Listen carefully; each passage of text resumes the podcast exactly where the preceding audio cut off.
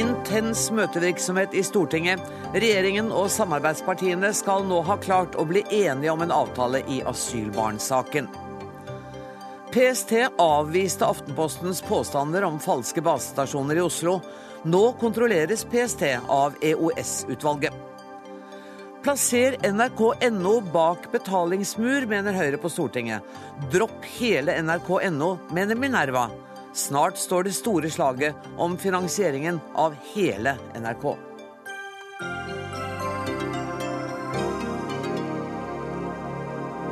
Dette er onsdagsutgaven av Dagsnytt 18, der vi også skal høre at Kari Jakkesson mener at NRK fremmer kvinneundertrykking. Thomas Seltzer er ikke enig. Men aller først i denne sendingen skal vi til Stortinget og den hektiske aktiviteten omkring uenigheten om behandlingen av asylbarn. Og kollega Halvard Norum, du er på Stortinget nå. Hvordan er stemningen der du er? Jeg står utenfor eh, statsrådssalen her eh, på Stortinget, der etter hvert en del eh, pressefolk har begynt å samles. For etter det som NRK og også andre medier forstår, så skal det etter, for alle praktiske formål være kommet til en enighet i denne saken. Men det gjenstår en del formaliteter. Papirer skal undertegnes osv.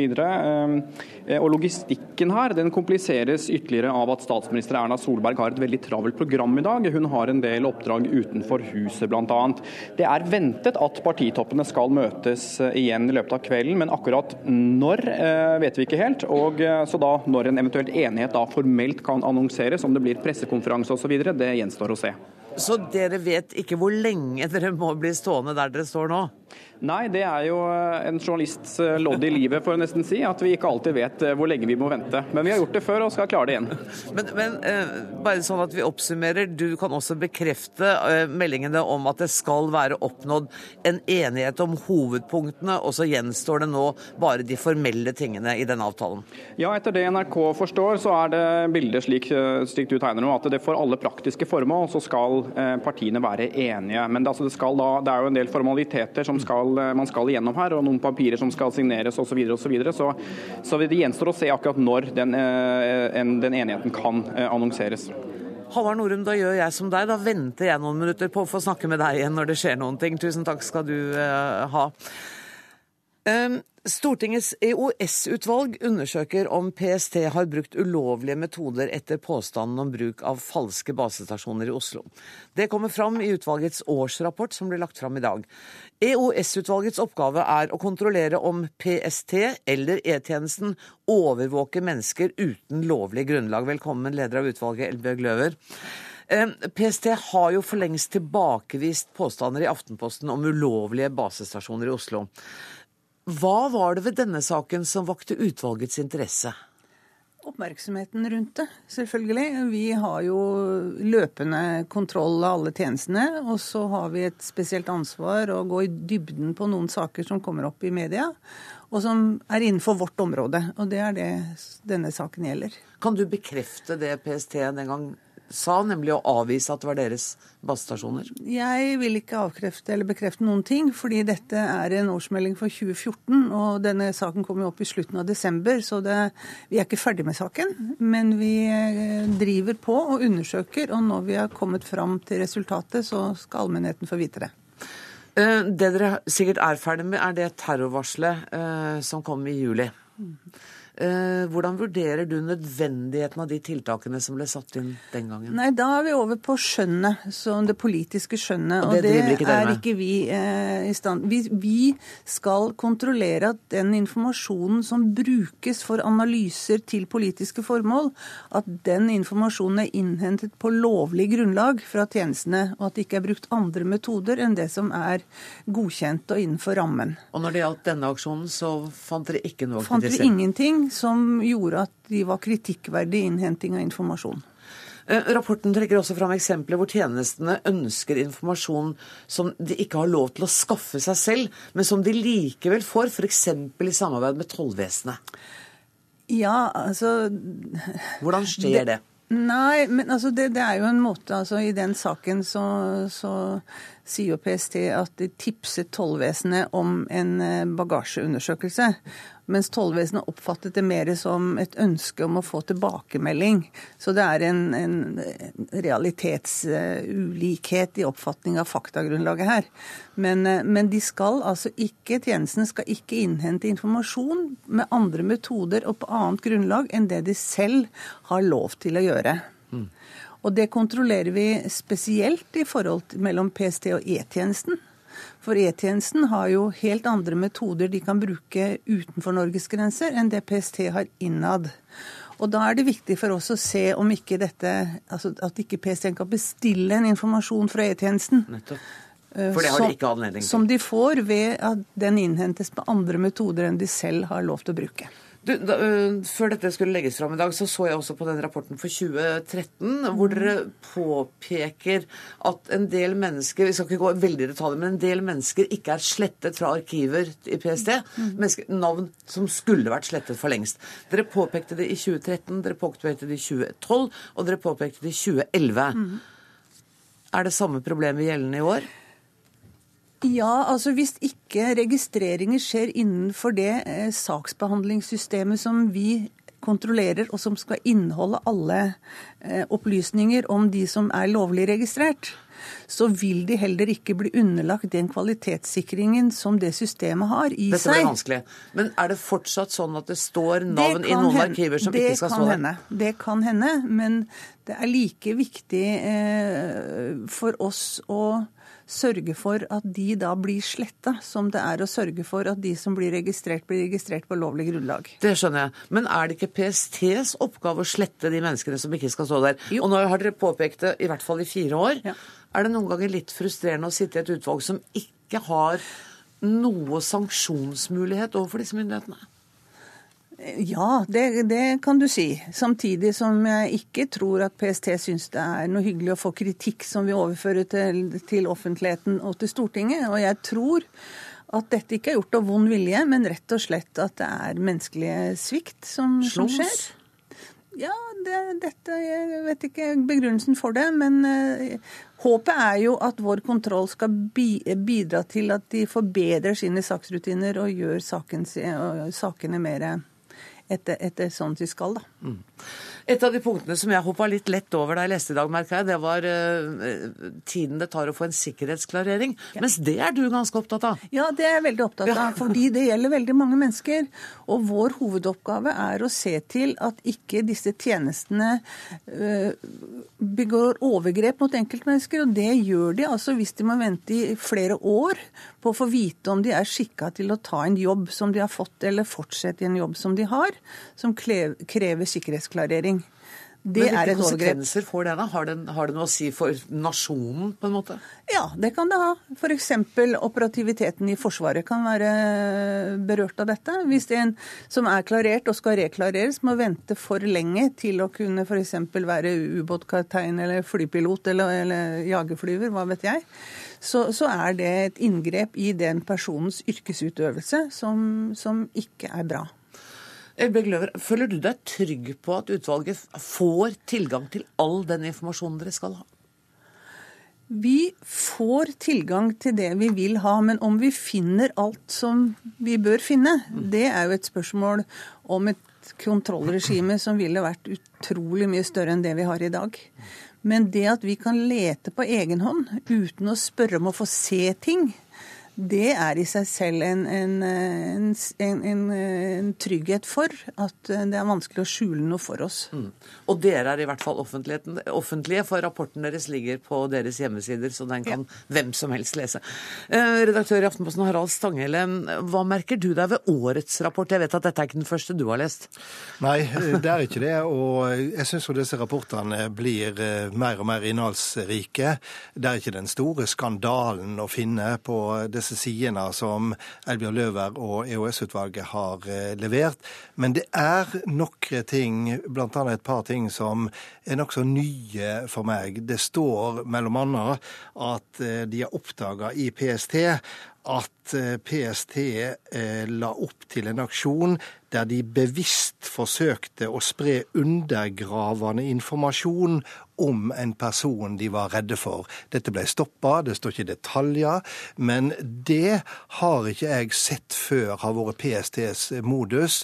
Der har vi en del graverende eksempel fra utenlandske tjenester, mm. og eh, dette er noe som er verdt å merke seg. Og Et annet poeng som jeg nå glemte å ta opp med Løver, er jo dette at det er norske navn i amerikanske registre. Ikke bare det, det er ei dobling av norske navn i amerikanske register som vi ikke har noe noen kontroll på, verken kvalitetsmessig eller på andre måter, eh, siden 2013, da utvalget sist var innom eh, dette. Eh, det er også et døme på at såkalt samarbeidende tjeneste, altså eh, vennlig sin etterretning, har drevet innsamling direkte retta mot norske statsborgere i Norge. Utvalget kritiserer det, de tar det opp, men de får ikke fullgode svar på dette. Så her ser vi igjen denne, dette, dette, denne gråsona, dette, dette uh, tåketeppet som ligger over alle hemmelige tjenester, at vi aner at det er ting der. Eh, det er viktig at EOS-utvalget går inn og kontrollerer det, men vi kan aldri vite om vi har et fullgodt bilde.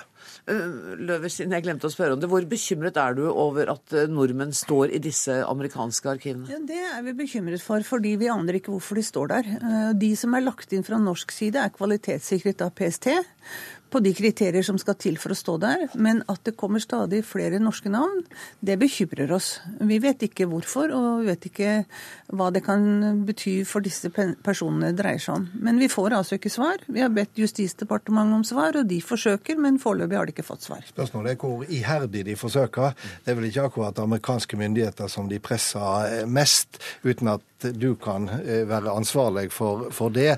Men det er klart at sånne ting viser jo en bitte liten topp på det store etterretningsisfjellet som bl.a. Snowden-avsløringene viste.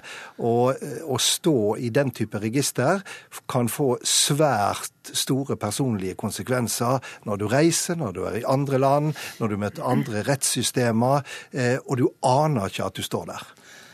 Harald Stanghelle, trenger vi dette EOS-utvalget? Ja, og vi trenger det mer enn noensinne.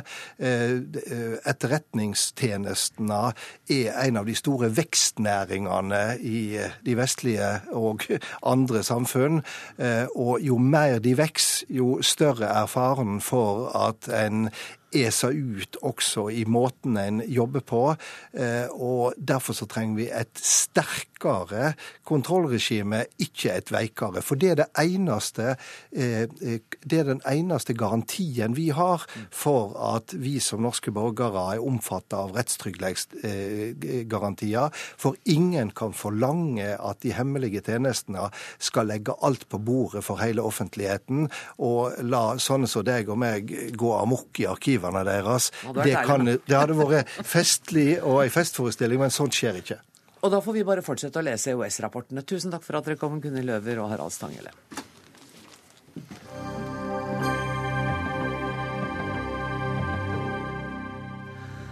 NRK trenger ikke være størst, men bør være best. Det mener Høyres mediepolitiske talsperson.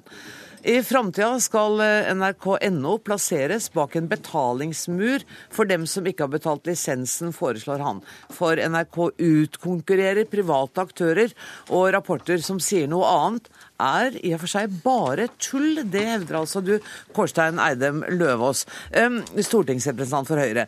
Du sikter med dette tullet til en rapport fra samfunns- og næringslivsforskning ved Norges handelshøyskole som viser at NRK ikke truer andre medier på nett.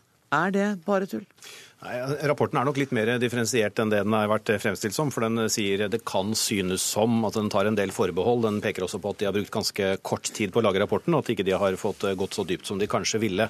Eh, så er det jo også sånn at én eh, ting er hva den rapporten sier, og så er det andre rapporter som sier lignende ting. Atter andre rapporter sier noe annet. Og ikke minst så er det jo sånn at bransjen melder helt andre ting. Så man kan jo på en måte ikke ta utgangspunkt i én rapport og si at dette er det vi skal, skal styre NRK etter de siste årene. Dette er ett av mange innspill i den debatten som pågår nå. Mine herrer, ta på dere hodetelefonene, så skal vi snakke med Lars Søgaard, som er professor i samfunnsøkonomi ved Handelshøyskolen, og som sto bak rapporten Vi må bytte litt hodetelefoner her, ja. Eh, når alle har fått det på, så skal vi snakke med deg, Lars Søgaard. Eh, du sitter i Bergen. Hvordan reagerer du på påstandene om at eh, det kan være litt tull i rapporten din? Nei, Jeg registrerer at det er blitt sagt, men jeg også registrerer at MBL, Mediebedriftenes Landsforbund, de sier, kommenterer rapporten på følgende måte. De sier det gir et nyttig nåtidsbilde, men så er de bekymret for det som skjer i nær fremtid. Og Det syns jeg er litt mer konstruktivt å ta den vinklingen og diskutere hva som vil skje i nær fremtid. Og vi mener at vår rapport òg vil kunne si noe hva som vil skje i nær fremtid, hvis f.eks. disse nettavisene prøver å ta betalt. Ja, Og hva vil skje da? Nei, altså, de vil ha problemer med å ta betalt, for det er mange av de f.eks. nasjonalt. Dermed hvis én tar betalt, så vil det gå leser over til andre som ikke tar betalt, så eh, har de et problem. Og I det bildet vil jo NRK ikke ha si så mye fra eller til. De er bare én av mange. og det vi finner er at for NRK er ikke så tett på f.eks. VG og Dagbladet som eh, Aftenposten er. og VG og Dagbladet er ganske tett på hverandre, ja. så de konkurrerer hardt. Så hvis NRK begynner å innskrenke eller med betalingsmur, så er det ikke til så mye hjelp for verken VG, Dagbladet eller Aftenposten, sånn som vi ser det.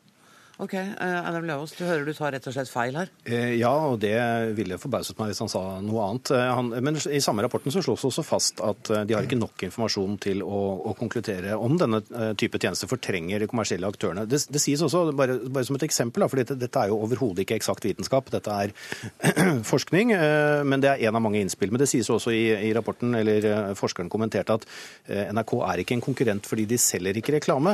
Og det mener jeg peker på at man ikke altså, altså, Man har ikke forstått hele bildet. for Det er klart, det er, jo, det er ikke det at de har selgere ute som selger reklame, men de forsyner seg med øyne og ører, og det er jo det de andre lever av. Mm.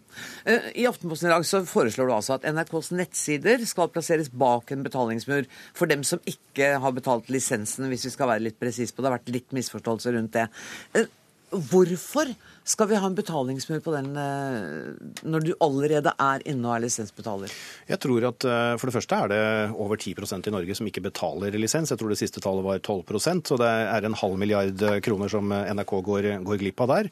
Og det tallet er det grunn til å tro er økende. Det er en hel generasjon som akkurat nå sitter rundt på, på barnerommene og ungdomsrommene og streamer gratis på, på nrk.no. Du vil ha lisens fra dem? Det er litt... Nei, det vil jeg ikke. Men, jo, det vil du jo, for du vil at de skal betale. Nei, men når de flytter hjemmefra Eh, så er de vant til at dette tilbudet er gratis. Ja. Eh, og hvorfor i all verden skal de begynne å betale for det da? De har jo hatt både fem og ti år på gutterommet og jenterommet hvor de ikke har betalt en krone for dette og, og vent seg til. Og de er store brukere av NRK, men det er ikke nødvendigvis sagt at de da løper og kjøper seg en TV for å få lov til å betale lisens. Ja, altså Kringkastingssjef, dette høres ut som det må jo være og å høre at vi skal få enda mer penger inn til NRK? Nå er jeg ikke helt sikker på om det er motivet til uh, Kårstein Eidem Løvaas. Uh, det, det uh, jeg har lyst til å si, er jo at han fortegner bildet. Det er jo ikke et, en riktig situasjonsbeskrivelse. Antall lisensbetalere i Norge vokser fortsatt. Det er en stigende oppslutning rundt lisensen. Publikums tillit til NRK og bruk av tilbudet er veldig høy. Og, og, det er det jeg syns mangler i debatten. Uh, fordi uh, det er nettopp hva tjener norsk pub uh, publikum? Hva bidrar NRK til når det gjelder norsk demokrati? En felles plattform for opplevelser. Nyheter fra hele landet til hele landet. Norsk språk, norsk kultur. Og det er litt forstemmende å være i debatt etter debatt etter debatt med kulturpolitikere som ikke nevner ordet norsk kultur, i en situasjon der de globale aktørene kommer og tar en større og større plass i det norske mediemarkedet og i kulturforbruket. Da er det viktig for oss å tenke at vi er et bitte lite land med lite språk som trenger å hegne om vårt eh, nasjonale innhold. Det er jeg helt enig i. Eh, og den rollen NRK har når det gjelder kultur og språk, er, eh, er, svært viktig. Det er Norges viktigste mediehus. Det er Norges største mediehus. Det er utrolig mange som er glad i NRK. Jeg er stor bruker av NRK, og det er ikke sånn som eh, Eriksen ofte sier, at man er ute etter å strupe NRK eller gjøre det vanskelig for NRK. Det er jo ikke det som er poenget. Poenget her er å se fremover og se hvordan kan vi sikre at NRK har trygge og stabile og ikke minst forutsigbare inntekter også i fremtiden. Og ikke minst at de føles rettferdig. Men, men kan det være sånn at han klarer å tenke enda lenger fram i tid enn du gjør, og si at om 20-25 år så vil det ikke være noen som kjøper radioapparater og TV-apparater. Da vil alt være på digitale et eller annet plattformer. Hadde det ikke vært lurt at vi allerede nå begynte å tenke at vi skal ha penger den gangen òg? Jo da, jeg tror at han i og for seg har rett til at mer av medieforbruket går over til nye digitale plattformer. Det er jo derfor jeg syns det er veldig viktig at vi får utvikle oss på nye plattformer, for hvis ikke så blir vi mindre viktig for publikum og for norsk kultur. Men det er ikke sånn nå at den lineære TV-seingen eh, faller. Den er helt stabil. Folk har like mange TV-er som før og kjøper litt flere TV-er igjen. Så mitt poeng er at vi kan ta oss litt tid til det. Lisensordningen i dag fungerer. Den oppfattes som rettferdig og legitim og har høy oppslutning. Og da trenger vi ikke å drive kannestøperi og, og sånn. Vi kan ta oss litt tid til å finne en god, stabil framtidig eh, finansiering av NRKs virksomhet. Det er jeg enig i, og dette er jo ikke akutt. Men samtidig så kommer det altså en melding i juni som skal behandle dette, og vi er nødt til å mene noe om det. Er dere ikke glad dere fikk ja, lov å komme hit? Da har jeg foreslått at eh, da bør vi si at vi kan beholde dagens ordning for en periode, og så bruker vi de neste årene til å utrede en konkret uh, ny Og så blir dere enige, jeg hører det? Det er jo kjempefint, da. Det er veldig fint. um, uh, jeg må høre deg med deg, Kristian Meiselseth, for du representerer Minerva. Og du går skrittet lenger. Du sier at vi skal legge ned hele NRK.no. Ikke hele NRK.no, men nettavisen ja, nettavisen, på NRK.no. Det vi skal få lov å legge ut, det er programoversikten. Ikke bare det, men det og programomtaler. Unnskyld meg. Det du vil, er at vi skal legge ut programoversikt og programomtaler. Ikke nyheter, ikke noe aktualitet, ikke noe vær, ingenting. Jeg tenker at Det, det, det kan være um, praktisk å skille uh, nrk.no litt i to. Sant? Den ene delen er den allmennkringkasterdelen, den tradisjonelle TV-radiodelen. Den andre delen, som jo er ganske ny, er nettavisdelen. Altså nyhetsrapportering, mm. tekstbaserte nyheter. Og da tenker jeg sånn at uh, den gangen NRK ble opprettet, så var det ikke for å lage en ny papiravis. I dag har vi veldig mange nettaviser som rapporterer nyheter. Og Da er spørsmålet om det er nødvendig at NRK også lager en nettavis. Og Jeg har bare lyst til å gi en liten kontekst til det. fordi i dag så er det jo sånn at Medie-Norge, eller Avis-Norge, opplever veldig vanskelige tider. Og da er det sånn at nå eh, så kutter de andre avisene, mens NRK vokser. F.eks. de siste fem årene har NRK Eh, ansatt mange flere journalister, mens de andre avisene har sparket mange journalister. Men, men jeg skjønner hvor du vil hen. Men, men, okay, jeg bare lurer på, Har du hørt hva vi har sagt den siste tida? For det begge de to tidligere debattantene var enige om, var at radio og TV på lang sikt kommer til å bli borte. Og så vil du fjerne NRKs nettavis også. Det er å kvele NRK, vel? Ja, men, men, NRK må jo drive innovasjon på nett. Sant? Og en innovasjon på mobil og på tabletter og alt mulig sånn. Og Det kan de gjøre med å videreutvikle det tradisjonelle Men NRK ikke med nyheter? Ikke med tekstbaserte nyheter som, som, ligner på de andre private nettavisene. Og Da har jeg lyst til å sitere et studie fra Universitetet i Bergen fra 2012 som sier at profilen til nrk.no i dag antyder at NRK er i direkte konkurranse med kommersielle nasjonale nyhetsaktører. Tor Einar Eriksen, det må du få kommentere. Altså En uh, ny rapport fra det samme sier at NRK uh, stadig uh, blir mer forskjellig fra de andre nettavisene, og mer framstår som en portal for allmennkringkasterinnhold. Men det er ikke poenget. NRK er ikke til for å bare drive TV eller radio eller nett. Vi er til for å lage et godt, relevant innhold for det norske publikum, og publisere det på de kanalene og plattformene der vi kan nå publikum. Barn, et eksempel. Hvis vi fortsatt skulle bare sende barne-TV på NRK1 fra 18.00 til 18.25, så hadde vi ikke nådd barn. Da hadde ikke norske barn hatt et norsk barnetilbud på norsk språk. Poenget er at det er gammeldags å skille mellom kanaler. Du må skille mellom det innholdet og den funksjonen du har. Og, og, journalistikken i dag foregår på alle plattformer. Jeg må nesten få lov til ett eksempel. Når vi publiserer et dokumentarprogram om norske skoler i Brennpunkt, så følger vi opp med mye innhold, statistikker, eh, diskusjoner på nettet. Det engasjementet er vi nødt til også å sikre rundt vår journalistikk. Det går ikke an å gjøre hvis vi ikke har, kan utvikle oss også på nye plattformer. Kveldens eh, tålmodigste mann heter Arild Grande, eh, Arbeiderpartiet. Hvordan reagerer du på disse forslagene? Nei, Hver gang jeg hører Høyre-politikere snakke om NRK, så slår det meg at det er en viktig ting de glemmer. og Det er nemlig innbyggerne eh, og seerne, eh, og hva som skal til for å gi et godt tilbud til eh, landets innbyggere. Vi må huske på det at NRK er noe mer enn en ordinær mediebedrift. NRK er fortellingen om Norge. NRK binder landet vårt sammen. Sørger for at folk fra hele landet, hver krik og krok, kommer til orde. Og tydeligst kanskje ser vi det i påska, når det både handler om de gode fortellingene fra hele landet, men også det beredskapsansvaret som NRK har. Å redusere det her til bare et sånn konkurransepolitisk eh, diskusjon, det syns jeg er meget uheldig. fordi at eh, det blir jo ikke noe bedre tilbud til innbyggerne om du innfører betalingsmur på nrk.no. Tvert imot, det blir et mye dårligere tilbud. Eh, det blir ikke noe mer mediemangfold i Norge av at du svekker en viktig medieaktør. Tvert imot så tror jeg det er et sunt og godt konkurranseforhold ut i distriktsendingene og ut i lokalavisene i dag. Men det er mye du kan gjøre for å styrke norske lokalaviser, hvis det er det du er opptatt av. Men der kommer det et lite initiativ fra regjeringa. Så hvis de hadde et ærlig engasjement for det, så burde de kanskje begynt der. Meisingstedt Meisingtvedt ba om en kort replikk. Ja, altså, det er mediemangfold. Og da er det altså sånn at Mediebedriftenes Landsforening gjennomførte en undersøkelse på dette i fjor. Og Da svarer altså syv av ti medieledere at NRK er en utfordrende konkurrent. Og 100% av de svarer at det er spesielt på det digitale feltet.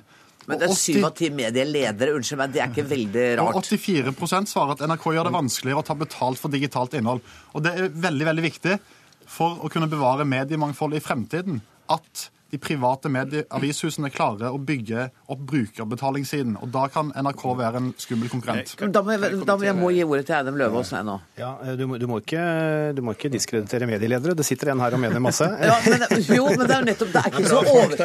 Jeg diskrediterte dem ikke. Jeg bare sier at det er ikke veldig overraskende at de påpeker konkurransen. Nei, det, det, gjør Tor Ermen også. Selvfølgelig. Men det er heller ikke overraskende at Arild Grande sier det han sier. Altså, vi, ønsker, vi, ønsker, ikke å svekke NRK. Tvert imot. Vi ønsker å være garantisten for et sterkt NRK også i fremtiden. Og når han han Altså, Vi ønsker et NRK som pirrer vitebegjærlighet, som pirrer nysgjerrighet, som forteller historien om Norge. Det Arild Grande gjør, er å prøve å fortelle historien om Høyres mediepolitikk, og det er ikke så veldig vellykket. Og vi har ikke tid til det nå. Vi tar inn Lars Sørgaard igjen. Kan jeg bare få kommentere litt den studien til MBL som ble nevnt her, der de spør en del mediehus om eh, NRK og konkurranse. Jeg tror vi var veldig varsomme med å tolke den. For det er en veldig generell studie. De har et spørsmål som er veldig generelt. NRK er en konkurrent, og er nærmest ledende spørsmål. Og vil overraske veldig om da Skipsted eller A-media eller Polaris sa noe annet enn at de var en konkurrent. Det vi har gjort, er å prøve å gå litt videre og spørre om de er nær konkurrent. Hvor nær konkurrent. Mm. Jeg føler at det vi har gjort, da vi kommet et stykke videre fra den MBL-studien, og ser på nettopp om NRK ligger tett på disse private medieaktørene. Jeg, skulle ønske at vi i fellesskap kunne liksom heve blikket litt ja, og se på Norge i et fugleperspektiv. fordi at Eh, det er riktig at eh, den trykte mediene har store utfordringer. Men de har jo ikke større utfordringer i Norge enn i andre land. Og det er jo ikke forårsaket av NRK. Altså Hvis vi ser på det norske mediemangfoldet i dette bitte lille landet med det lille språket, fem millioner mennesker, så har vi en god allmennkringkaster i NRK. Vi har en god kommersiell allmennkringkaster i TV 2. Vi har kommersielle radiokanaler. Vi har et større mediemangfold både lokalt og regionalt enn noe annet land. Det er dere vel enig i?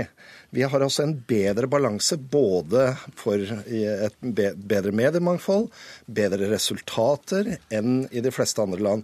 Så historien om norsk mediepolitikk, som Høyre og Arbeiderpartiet i veldig lang tid har stått sammen om, er jo at det har vært en vellykket politikk. Det jeg opplever du gjør nå, det er jo at du prøver å finne eh, virkemidler som begrenser NRKs eh, muligheter til å drive utvikling på nye plattformer. Løvås?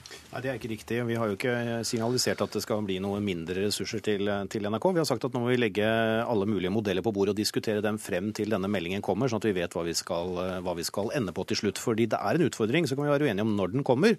Men, men vi ønsker altså å sikre at NRK har forutsigbare, stabile og sikre inntekter også i årene fremover. Og at det oppleves rettferdig for de som skal betale, nemlig deg og meg. Og det er ikke Arild Grande uenig i?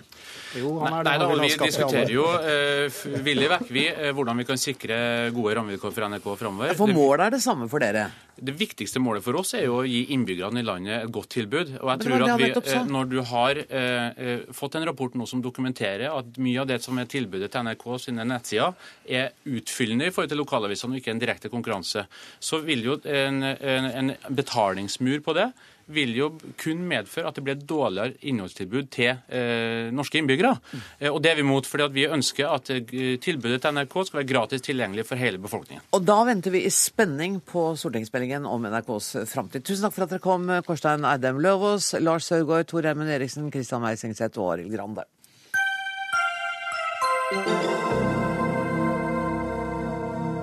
Etter mange møter gjennom dagen i dag har regjeringen og Venstre og Kristelig Folkeparti nå blitt enige om en avtale om hva som skal skje med asylbarna som ble sendt ut av landet i fjor. Avtalen er ikke formelt på plass, men partene skal nå være enige om innholdet. Jeg antydet det vel i går, Magnus eh, Takvam og Frøy Gudbrandsen, at jeg kom til å invitere dere tilbake i dag. Det har altså skjedd. og Jeg begynner med deg, Magnus. Eh, du er kommentator her i NRK. Før Fremskrittspartiet nå har bekreftet dette offisielt, er det, er det enighet nå? Man kan jo ikke slå det fast med bred penn før det, som du sier, er offisielt bekreftet av eh, eh Frp selv. De har hatt et gruppemøte som er avsluttet. Og eh, Siv Jensen og sikkert Anders Anundsen sitter i møter med, med de andre partilederne i øyeblikket på et ukjent sted. Sånn at vi alle, hele Medie-Norge, venter nå på den offisielle bekreftelsen. Og det er, en, eh, det er en eh, nervøs stemning både blant journalister og, og eh, politikere før, før, man kommer ut med klare meldinger. Det, det noen er redd for, i Venstre og KrF f.eks., er at Fremskrittspartiet har på sitt gruppemøte godtatt eh, denne pakken som man er blitt enige om. Men de er redd for at de kanskje kan ha stilt en betingelse osv. som gjør at man må begynne på nytt igjen. Mm, men min vurdering er at hvis, hvis Frp har stilt en betingelse eh, Nå spekulerer vi litt. Ja. Eh, om f.eks. Å, å eh, redusere antall kvoteflyktninger tilsvarende som, som, det antall barn man etter hvert vil hente hjem, så er det fullstendig uakseptabelt for Eh, f.eks. Kristelig Folkeparti. Og da, da, må Frp vite at da, da, er man nullstilt igjen, og da begynner på en måte Da er det kaos, altså. Da begynner man Så, forfra igjen. Ja. Men, men dra, dra, meg litt gjennom hvordan har dette skjedd. Hvem er det som har sittet og forhandlet fram den avtalen? Er det Erna Solberg, Siv Jensen, eh, Knut Arild Hareide og Trine Skei Grande? Det har jo skjedd eh, så vidt jeg forstår, eh, alt er jo ikke fortalt til oss, mellom fire partier på en måte. Slik at Fremskrittspartiet har hatt sine egne posisjoner i forhandlingene via Siv Jensen, og også Anders Anundsen har vært med. Men de har hele tiden, tiden måttet sjekke bakkanalene sine med Per Sandberg og stortingsgruppa, holdt jeg på å si. Ikke sant? Og så så har det blitt slik på slutten at øh, Høyre og Erna Solberg, statsminister Erna Solberg har, slik det blir fortalt, slått litt i bordet og sagt at nå må vi bli enige her. Og da har på en måte øh, fronten vært Høyre, Venstre og KrF mot Frp. Og da er det ikke bare Venstre og KrF som er i en blokk mot mot Frp, men da henger alt på Frp. Så Det er derfor denne spenningen om hva, hva de nå offisielt kommer til å si, er såpass stor. da. Og så er det ikke sikkert det er helt enighet innad i Frp heller? Det er helt sikkert ikke enighet. Og altså, jeg har snakket med folk som var på gruppemøtet, og som slik jeg oppfatter det, helt klart bekreftet at Frp har godtatt dette. Det er derfor på en måte vi tar sjansen på å si det. Men som sagt uh, så, så, må vi vente på den helt offisielle bekreftelsen, og at det, det var et mindretall helt sikkert som ikke, ikke ville eh, kjøpe dette. Det, det, det er også sikkert. Frøy Gudbrandsen, du er fortsatt kommentator i Bergens Tidende. og det er jo på, et, på ett sett så er det din avis som er eh, medskyldig, i hvert fall, i den situasjonen man er kommet opp i, eller medansvarlig, eller kan ta rosen for. Eh, hvordan syns du statsministeren og Høyre har håndtert denne saken nå? Ja, så jeg vil si at Avisen min har kanskje æren for at dette startet, men for at dette har blitt en så stor sak og drøyd såpass ut i tid, det Det tar du ikke ansvar for? Nei, det vil jeg ikke ansvar for. Det mener jeg at regjeringen har klart helt fint selv. Um, og det, som, det har jo drøyd for mye ut i tid, og det har jo vært skadelig for eh, regjeringen og for det borgerlige samarbeidet. Og der mener jeg at Høyre må ta mer ansvar egentlig enn det man kanskje har tenkt før. fordi Eh, det har vært nettopp KrF og Venstre mot Frp, mens Høyre har vært ganske passive. Og Da tenker jeg ikke bare på statsministeren, men altså partiet hos Høyres stortingsgruppe. At ikke de tidligere nettopp har gått i en slags blokk med KrF og Venstre for å legge press på Fremskrittspartiet for at nå må vi faktisk eh, komme fram til en løsning. For det var jo litt naivt å tro at etter høringen og etter at det altså er helt åpenbart at det var skjedd en feil, eh, at justisministeren hadde gjort en feil, og at, denne, at for mange barn var sendt ut, at dette liksom bare skulle gå over. Justisministeren skulle bli sittende, ingen barn skulle hentes tilbake. Altså Selvfølgelig var man nødt til å finne en, en løsning. Og at det har tatt så lang tid, det, det, må faktisk også Høyre ta en del ansvar for. Men nå kan det altså hende, som Magnus Takam sa, at, mm. At, statsministeren har slått litt i bordet og sagt hør her, nå må vi komme fram til en enighet. Ja. Det er mulig det var seint, men det er vel i hvert fall godt at det skjer, da?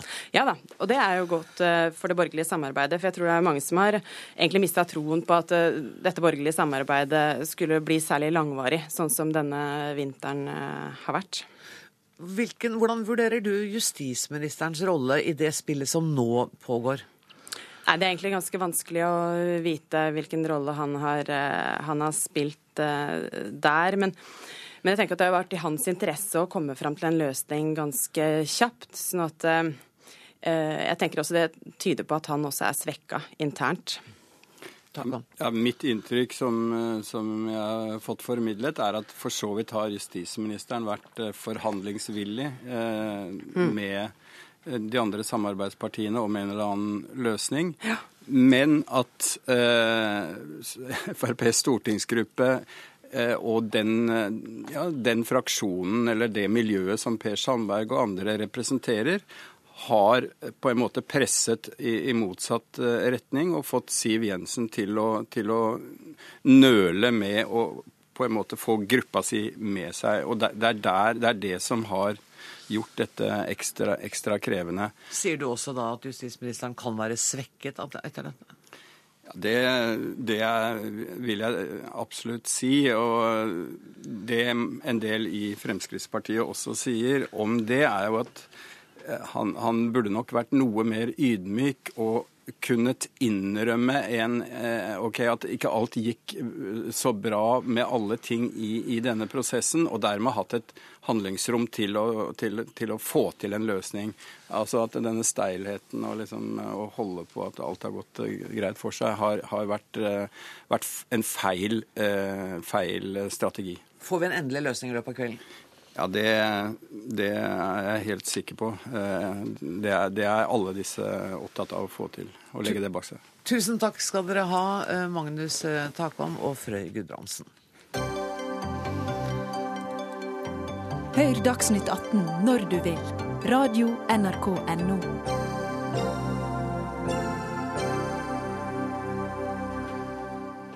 Amerikanske myndigheter frykter nye opptøyer etter at nok en svart mann er blitt skutt og drept av en hvit politimann.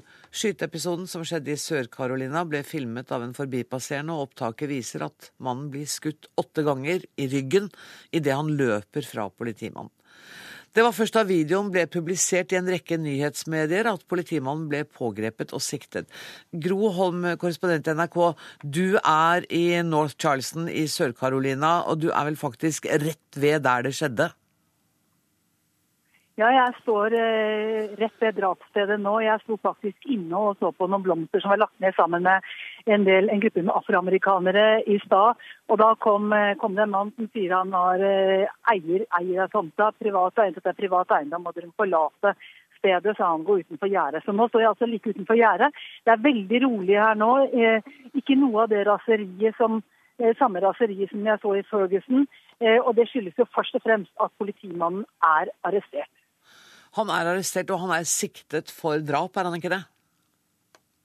Jo, han er siktet for drap. og eh, det, Flere av de jeg har snakket med her i dag, eh, sier at eh, de var overrasket over at han ble arrestert og siktet. Eh, gledelig overrasket, selvfølgelig. Og De sier også at de håper han ikke blir stilt for noe eller at det ikke blir noe storjury, sånn som det har vært i et par av de andre sakene. Storjury som har endt med at politiet eh, uten unntak eh, ikke har blitt stilt for retten. De håper det ikke skal skje her. at politiet nå har lært av de andre eksemplene, og at det blir en reell rettssak. Og Det er selvfølgelig slik at det er videoen som er avgjørende. Det sier alle her. Hadde det ikke vært for videoen, så hadde han antagelig eh, gått fri. Mm. Jeg har også sett en video, men kan ikke du fortelle litt om, om detaljene som har kommet fram omkring det som skjedde? Hva var grunnen til at han begynte å løpe fra politiet?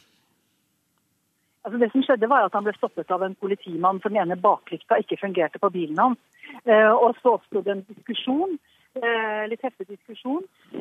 Så, så, så, så eh, Walter Scott løper vekk fra politimannen. Han fyrer da åtte skudd i retning av Walter Scott. Fem av dem skal ha truffet ham. Tre av dem eh, i ryggen. Eh, ett i øret og én eh, på oversiden av bakenden. Eh, og eh, så ser vi at det kastes en, en eller annen gjenstand på bakken like ved der krangelen foregikk. Den gjenstanden blir siden plukket opp og lagt ned ved siden av offeret, etter at offeret da ligger på bakken og er lagt i håndjern. Vi vet ikke om han var død da han ble lagt i håndjern, eh, men eh, han ble i hvert fall lagt i håndjern. Og det er altså politimannen som legger en gjenstand ved siden av offeret. Eh, politimannen påstår jo da at offeret, altså Walter Scott, prøvde å ta fra ham en, en sjokkpistol, elektrosjokkpistol. Og Spørsmålet er om det var denne som ble kastet på bakken og så plukket opp og lagt ved siden av offeret Og Det vet vi ikke, men det er av de tingene som nå vil bli etterforsket. Det som er helt sikkert, er jo at eh, offeret var ubevæpnet. Han løp fra ham eh, eh, og ble skutt i ryggen og drept da han eh, Og det sier også tidligere politimenn herfra at da han, eh, slik vi ser ut, ikke utgjorde noen trussel eh, mot den politimannen som skjøt. Halvard Notaker, du er historiker med USA som felt. Um, det, det, var vel klokt at denne politimannen øyeblikkelig ble arrestert og siktet med tanke på å unngå opptøyer?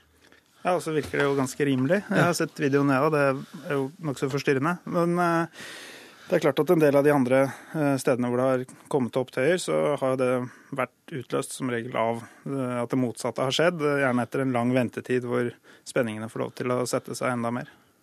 Fordi Er det virkelig slik at skillene mellom svarte og hvite gjør at svarte mennesker i større grad er utsatt for uh, vold fra politiet?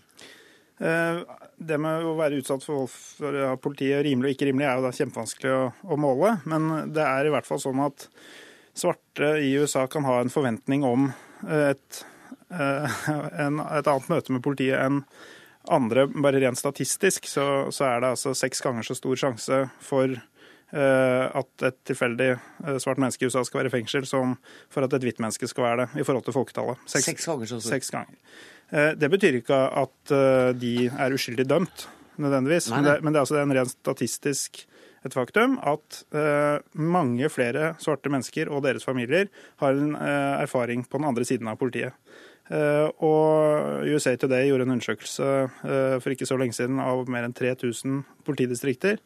Og 95% eller noe sånt noe, av dem så var det for alle typer forbrytelser, små og store, større sjanse for at en svart skulle bli arrestert eh, enn en hvit. 95% større sjanse? Eh, nei, 95% av dem. Ja, al så, ja. så, så, de okay. lever eh, med eh, et politi som ser på svarte som mer sannsynlige lovbrytere, en tilfeldig person på gata. Så, så vil politiet mange steder med statistisk grunnlag tenke at denne personen er mer sannsynlig forbryter enn hvite mannen ved siden av. Det gjør jo noe med eh, hvordan begge ser på hverandre, og hvordan svarte føler seg sett. For det betyr jo tross alt at, eh, at, at om eh, 5 av svarte sitter i fengsel eh, skal være litt forsiktig med statistikken her, men mener det har vært én av 20. Eh, eh, om det er menn eller for alle som helhet, skal jeg ikke si. Da betyr jo det at de fleste vil bli sett på med de samme brillene som de, den andelen som er forbrytere. Og det kombinert med en følelse av å være eh, bakerst i køen eller nederst ved bordet i storsamfunnet, det er en nokså eksplosiv blanding. Og åtte år med Barack Obama, har ikke, eller snart åtte år, har ikke endret på dette? Det som endrer på de sånn store bakgrunnsfaktorene, hvor mange som lever i fattigdom f.eks., eh, det er jo økonomiske konjunkturer. I slutten av 90-årene så ble det mindre forskjell på hvor fattige svarte og hvite er, og så kunne man tenkt seg at da ville spenningene kanskje bli mindre. Eh, det som skjedde med Obama, var vel en slags begeistring over at man trodde det ville komme en slags renselse, en slags frelse fra Hvis man ser på slaveri som en slags arvesynd, så, så, det, så ville liksom dette være eh, en, sånn, en renselse og en frelse som skulle viske ut alt dette. Det var nok ganske naivt, da, fordi eh, de sosiale underliggende forholdene er like. Og det betyr at eh, svarte har eh, oftere lav inntekt, oftere lav utdannelse, bor oftere i de områdene hvor det er mer kriminalitet. Og så får man diskutere da hva som er årsak og virkning. Det er jo det som forskerne da har problemer med å komme til noe konsensus om. Ganske dystert perspektiv du tegner der. For det betyr at det ikke er siste gangen vi har sett dette skje? Nei, ikke første og ikke siste. Tusen takk for at du kom til Dagsnytt 18, Halvard Notaker.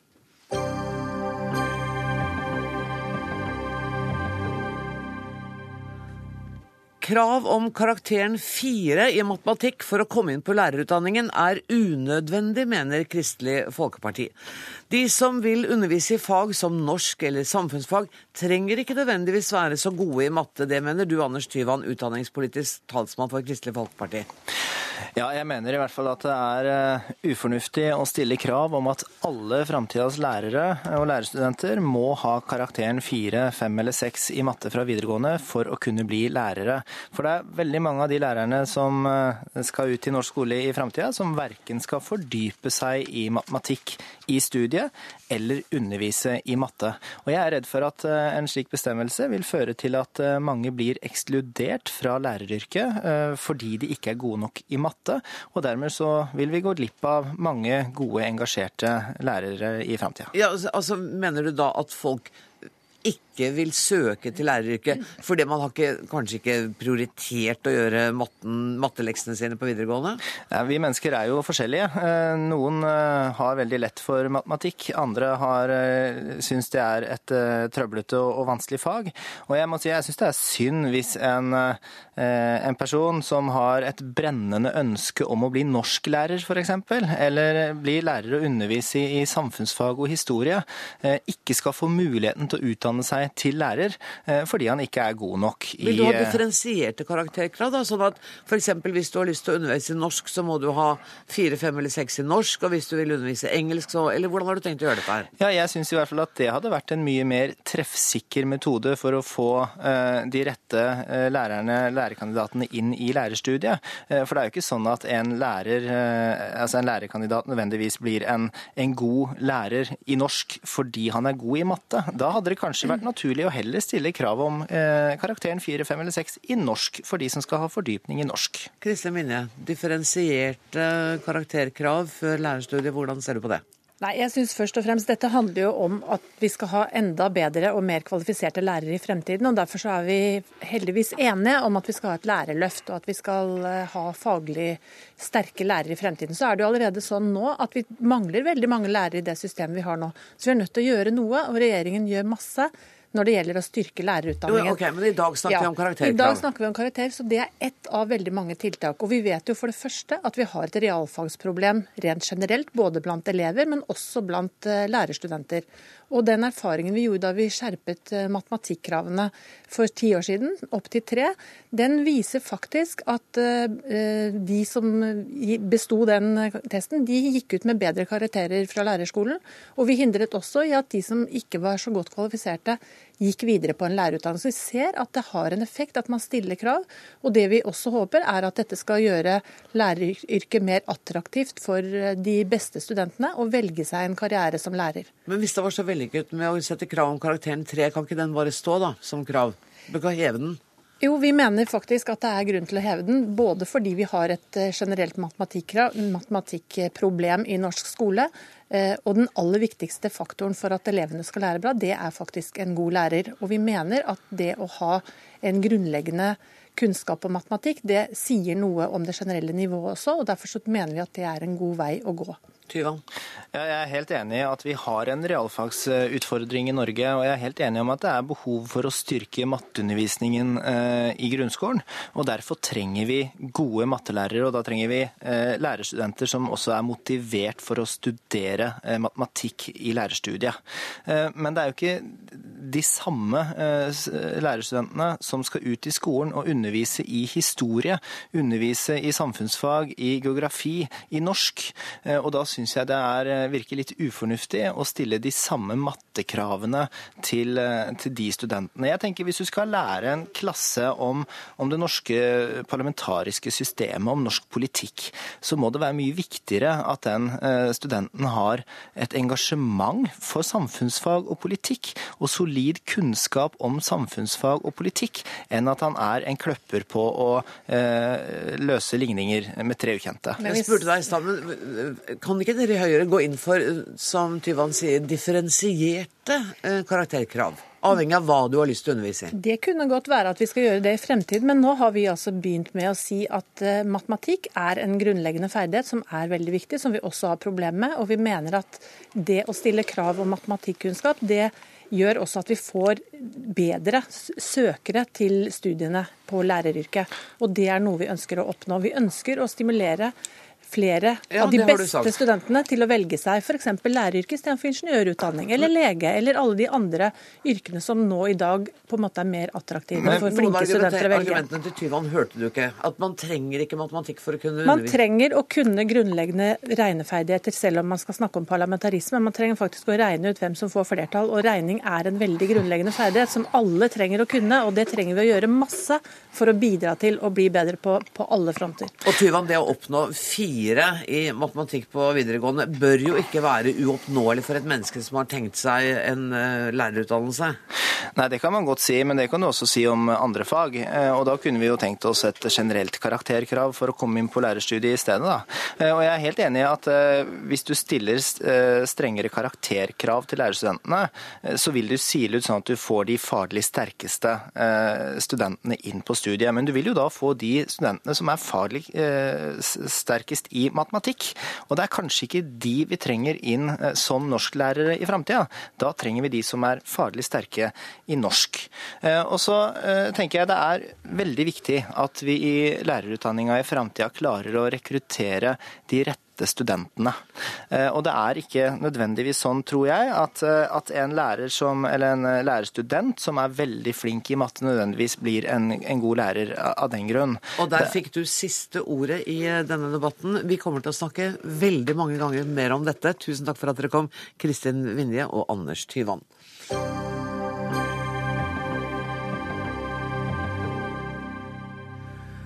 I går viste NRKs Trygdekontoret en eh, slags pornofilm som skulle framstille Kari Jakkofsson, eller Kari Jakkesson, og programleder Thomas Seltzer. NRK har brukt 12 000 lisenskroner på filmen, som var en del av programmets Krenke andres frihet spesial. Trenings- og kostholdsekspert eh, Kari Jackson, eh, du reagerte på den korte såkalt pornofilmen. Ja, såkalt? Eller ja, det var kanskje pornofilm. Eh, ja, det gjorde jeg selvfølgelig. Fordi at eh, det er så mange aspekter her. Det ene er jo det opprinnelige aspektet med at eh, NRK bryter loven. Sexkjøp er ulovlig, og også i utlandet. Så det er jo noe jeg oppfordrer til at det bør påtalemyndighetene se nærmere på. Her skal det en politietterforskning til. De spratt champagnen og sa at Kringkastingsrådet ga dem full, full, frikjennelse. Men det er jo ikke Kringkastingsrådet som skal avgjøre om det er begått et lovbrudd. Det er det faktisk eh, en politietterforskning som skal eh, finne ut av. Og den har ennå ikke begynt, så jeg lurer på jeg har skrev før eh, påske at hvis ingen gjør det nå, så går jeg og politianmelder det. Noen må gjøre det. Men, men var du også personlig berørt og krenka av det du så? Det er ikke viktig. Nei.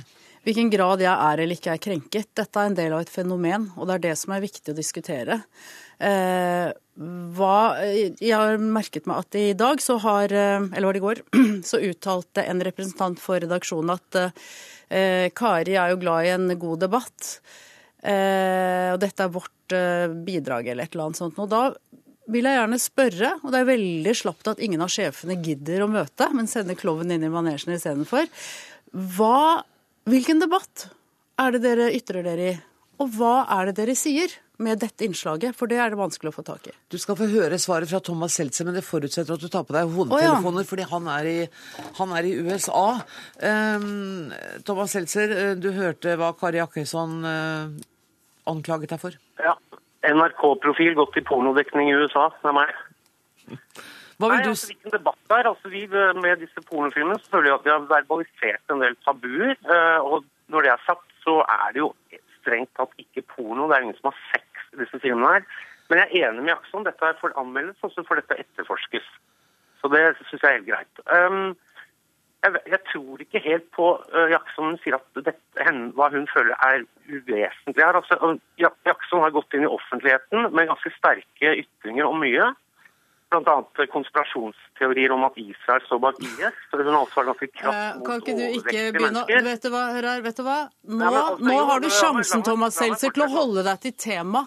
Hold deg til tema. Dagens tema er et innslag som du har vært med på å lage. Og nå har du muligheten til å, til, å, til å, være med i en saklig debatt. Okay, så ikke begynn å snakke om meslinger og kusma og diverse. Snakk om det vi diskuterer. Jo, for du har, du har tatt en posisjon i offentligheten med en litt sånn seksualisert, mener jeg, snodig som posisjon som trikotkledd fitnessdronning.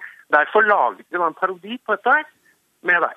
Altså Når det er sagt, så har vi ikke noe imot ditt engasjement mot porno. Jeg tror også, i likhet med deg, at pornobransjen er et mørkt og bedritent sted. Når det er sagt, så kan ikke vi altså disse folka som har lagd filmene våre, de, dette er mer sånn do it yourself-greie. med altså, Jeg tror det er venninna til denne Chloé som da står bak kamera. Du kan jo liksom ikke nekte folk å være nakne foran kamera, kan du det? Men, men Thomas Heltzer, kunne dere ha gjort dette annerledes og dristigere? For dette var så konvensjonelt. Hadde det vært annerledes Kari Jakkesson, hadde det vært annerledes hvis det var kvinnen som hadde tatt mannen, som hadde vært den Hadde det gjort noe med hele bildet av den pornofilmen? Uh, ja, altså Hvis man skal begynne å diskutere plottet ja, i hermetegn, ja. så er det jo veldig standard. Det jo, det jo, men det er nok av de som diskuterer akkurat vinklinger man kunne valgt på selve aktivitetene. Jo, men jeg bare tenker, Hadde men, vi sett prinsipielt på det hvis kvinnen ikke hadde hatt den der undertrykte rollen i dette? Ja, undertrykket. Altså, det, man kan jo ikke nødvendigvis si at hun er undertrykket. Men, men det, det, jeg gjerne vil spørre Thomas Seltzer om For det første så sier de nå prøver de å løpe fra sine egne eh, reklamer hvor de reklamerer med mer porno. Det, at det, og, og, og det var i, etter det første innslaget så var det diskutert om det var, det blitt, var noe penetrasjon på gang eller ikke. Men det er helt uvesentlig, for sexkjøploven er veldig klar på det. Dette omhandler seksuelle aktiviteter med seg selv eller andre. Men sexkjøploven at, omhandler ikke produksjon av pornofilm, står det ganske eksplisitt i loven. Så du får sjekke paragrafen da, Kari. Ja, det er en mulig unntak, men det er det igjen en politietterforskning som skal vurdere. Og så og så er det jo sånn at Eh, eh greit, man hadde et eh, program om porno og ønsket å vise da trendene, og det er veldig bra. Fordi at pornobransjen leter hele tiden etter nye måter å tiltrekke seg inntekter på. Men da spør jeg, hvilke verdi... Eller hvilke hvilke vurderinger gjorde dere første gang dere valgte å bruke da et ekte pornofilmproduksjonsselskap? Og så da, etter kritikken som kom, på hvilken måte var det nødvendig å bruke utenlandske prostituerte i denne nye filmen der min figur blir brukt som en rollefigur? Nå må Thomas Seltzer få lov å svare, for jeg har bare et minutt igjen av sendinga. Ja, jeg vet ikke om uh, man kan kalle det prostituerte, la oss heller kalle det aktive nudister, da, kan man si. Sex for penger er prostitusjon, Thomas. Eh, det er ikke en mening, det er Det kan man si om f.eks. folk som er med og spiller en plate også, for den saks skyld, Kari. Så det er jo Altså, du har veldig behov for å på... Altså, jeg vet ikke, jeg har på følelsen altså, vi, vi, beskyld, Beskyldningene i dag går på at vi har forsøkt å kneble deg fra å mene noe som helst. Uh, altså, uh, altså, Navnet ditt du var jo inne på det nå, altså, navnet ditt blir brukt i, i uh, altså, Navnet til offentlige personer blir brukt i humorinnslag som de ikke liker. Det, det kan kanskje oppfattes som ufint og ubehagelig, men det er ikke forbudt sist jeg sjekket. Men det er jo ikke det vi diskuterer, hvorvidt jeg liker det eller ikke, Thomas. Ja, altså Det du gjerne vil diskutere, er hvorvidt dette er sexkjøp eller ikke. Da sier jeg det får da en eventuelt etterforskning finne ut. Vi har råmateriale. Det viser at det ikke er noen penetrasjon. Og da lurer jeg på hva, hva, hva man definerer som sex. Jeg vil heller kalle det nudisme, som sagt. En nudisme med eh, en satirisk vri. Kan man kan man ikke begynne, altså skal man ikke vise toppløse på TV-en, liksom. Da er vi jo ganske langt tilbake igjen. Ja, jeg tror den argumentasjonen viser hvorfor det hadde vært så mye bedre å ha hatt ansvarlig NRK, da, som kunne forsvart, uh, forsvart uh, at man bruker en, en, offentlig bedrift, en statseid bedrift, til å kjøpe sex i utlandet og vi diffusere porno på statskanalen. Kjære venner, grunnen til at det ikke er noen sjefer her, er at de ikke hadde anledning, ikke fordi de ikke gadd. Uh, Thomas Helser jeg er nødt til å si takk til deg og ønsker deg fortsatt god ferie. Ja, altså, jeg vil bare si til slutt, over Kvinnefronten mener at jeg burde be samtlige norske kvinner om menn om unnskyldning. Det er ja greit. Jeg skal sette av en del tid til å gå fra dør til dør i hele Norge. Jeg skal banke på og si hei. Unnskyld for det du vet, de greiene. Og muligens kommer jeg til å være naken med en sånn halvereksjon, såkalt 70 Og der er Dagsnytt 18 slutt for i dag. Hør flere podkaster på nrk.no podkast.